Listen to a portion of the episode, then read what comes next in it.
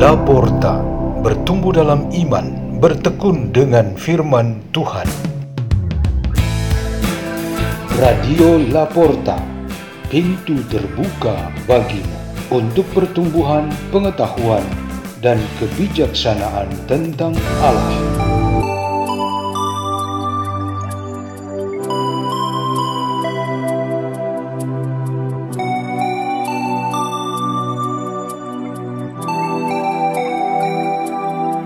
Bacaan dan renungan Sabda Tuhan Hari Kamis, Pekan kedua Advent, 8 Desember 2022 Hari Raya Santa Perawan Maria dikandung tanpa noda.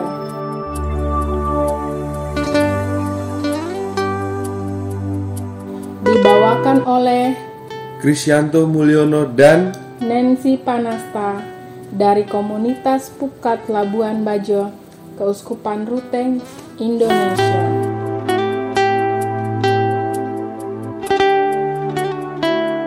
Inilah Injil suci menurut Lukas bab 1 ayat 26 sampai 38. Dalam bulan yang keenam, Allah mengutus malaikat Gabriel ke sebuah kota di Galilea bernama Nazaret kepada seorang perawan yang bertunangan dengan seorang bernama Yusuf dari keluarga Daud. Nama perawan itu Maria.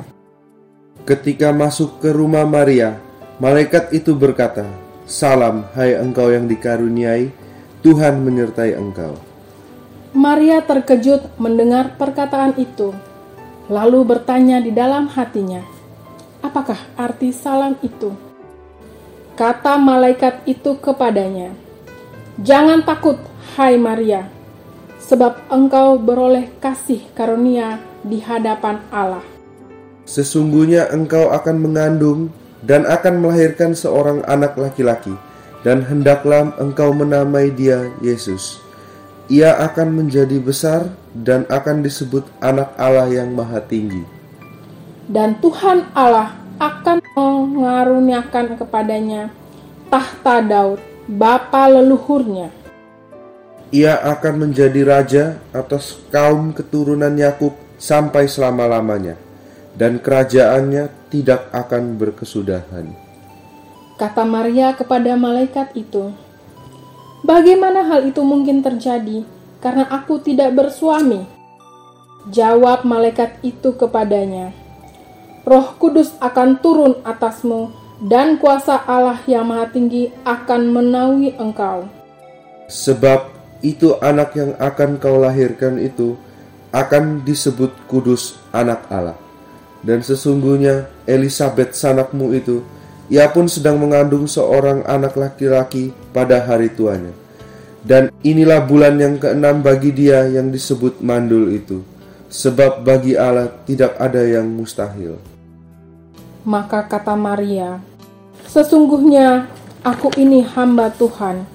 Jadilah padaku menurut perkataanmu itu." Lalu malaikat itu meninggalkan dia. Demikianlah sabda Tuhan.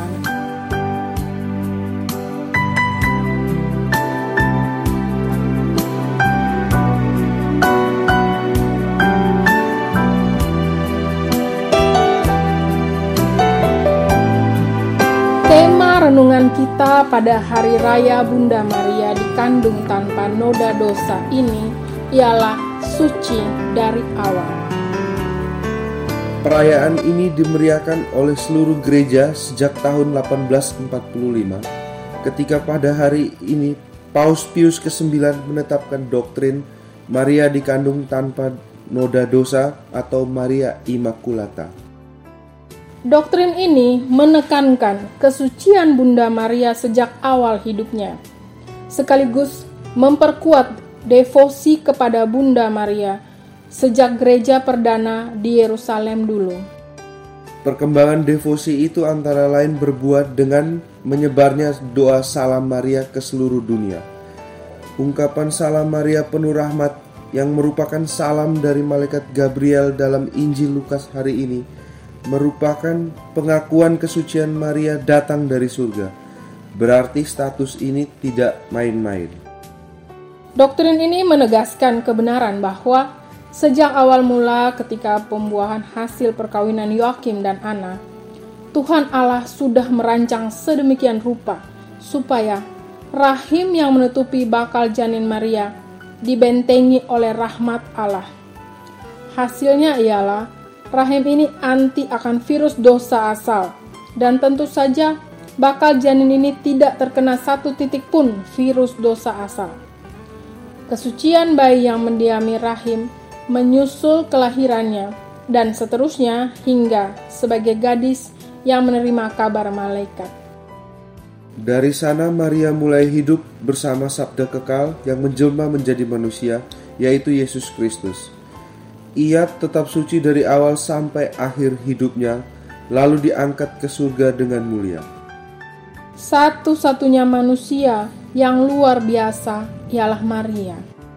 Hanya dia dari makhluk manusia ini disebut penuh rahmat.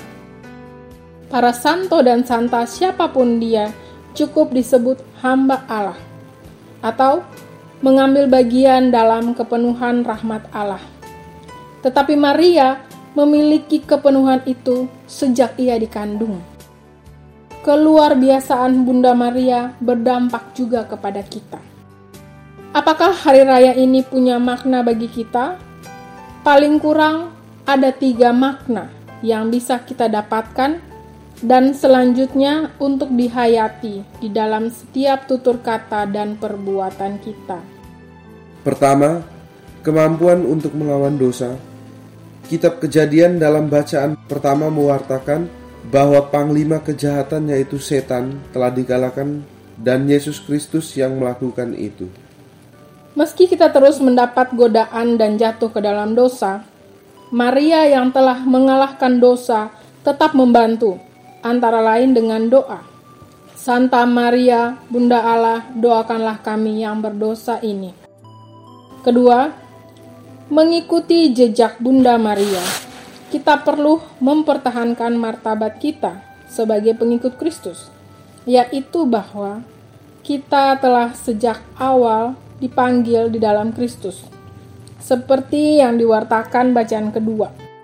Ketiga, kalau kita hidup dengan semangat membenci dosa dan menjauhi perbuatan jahat, kita sesungguhnya adalah putra dan putri Bunda Maria. Marilah kita berdoa. Dalam nama Bapa dan Putra dan Roh Kudus. Amin. Ya Bapa yang baik, semoga kami senantiasa meneladani Bunda Maria dalam kesucian dan hidup yang penuh rahmat Salam Maria, penuh rahmat Tuhan sertamu. Terpujilah engkau di antara wanita dan terpujilah buah tubuhmu Yesus. Santa Maria, Bunda Allah, doakanlah kami yang berdosa ini, sekarang dan waktu kami mati. Amin. Dalam nama Bapa dan Putra dan Roh Kudus. Amin. Radio Laporta, pintu terbuka bagi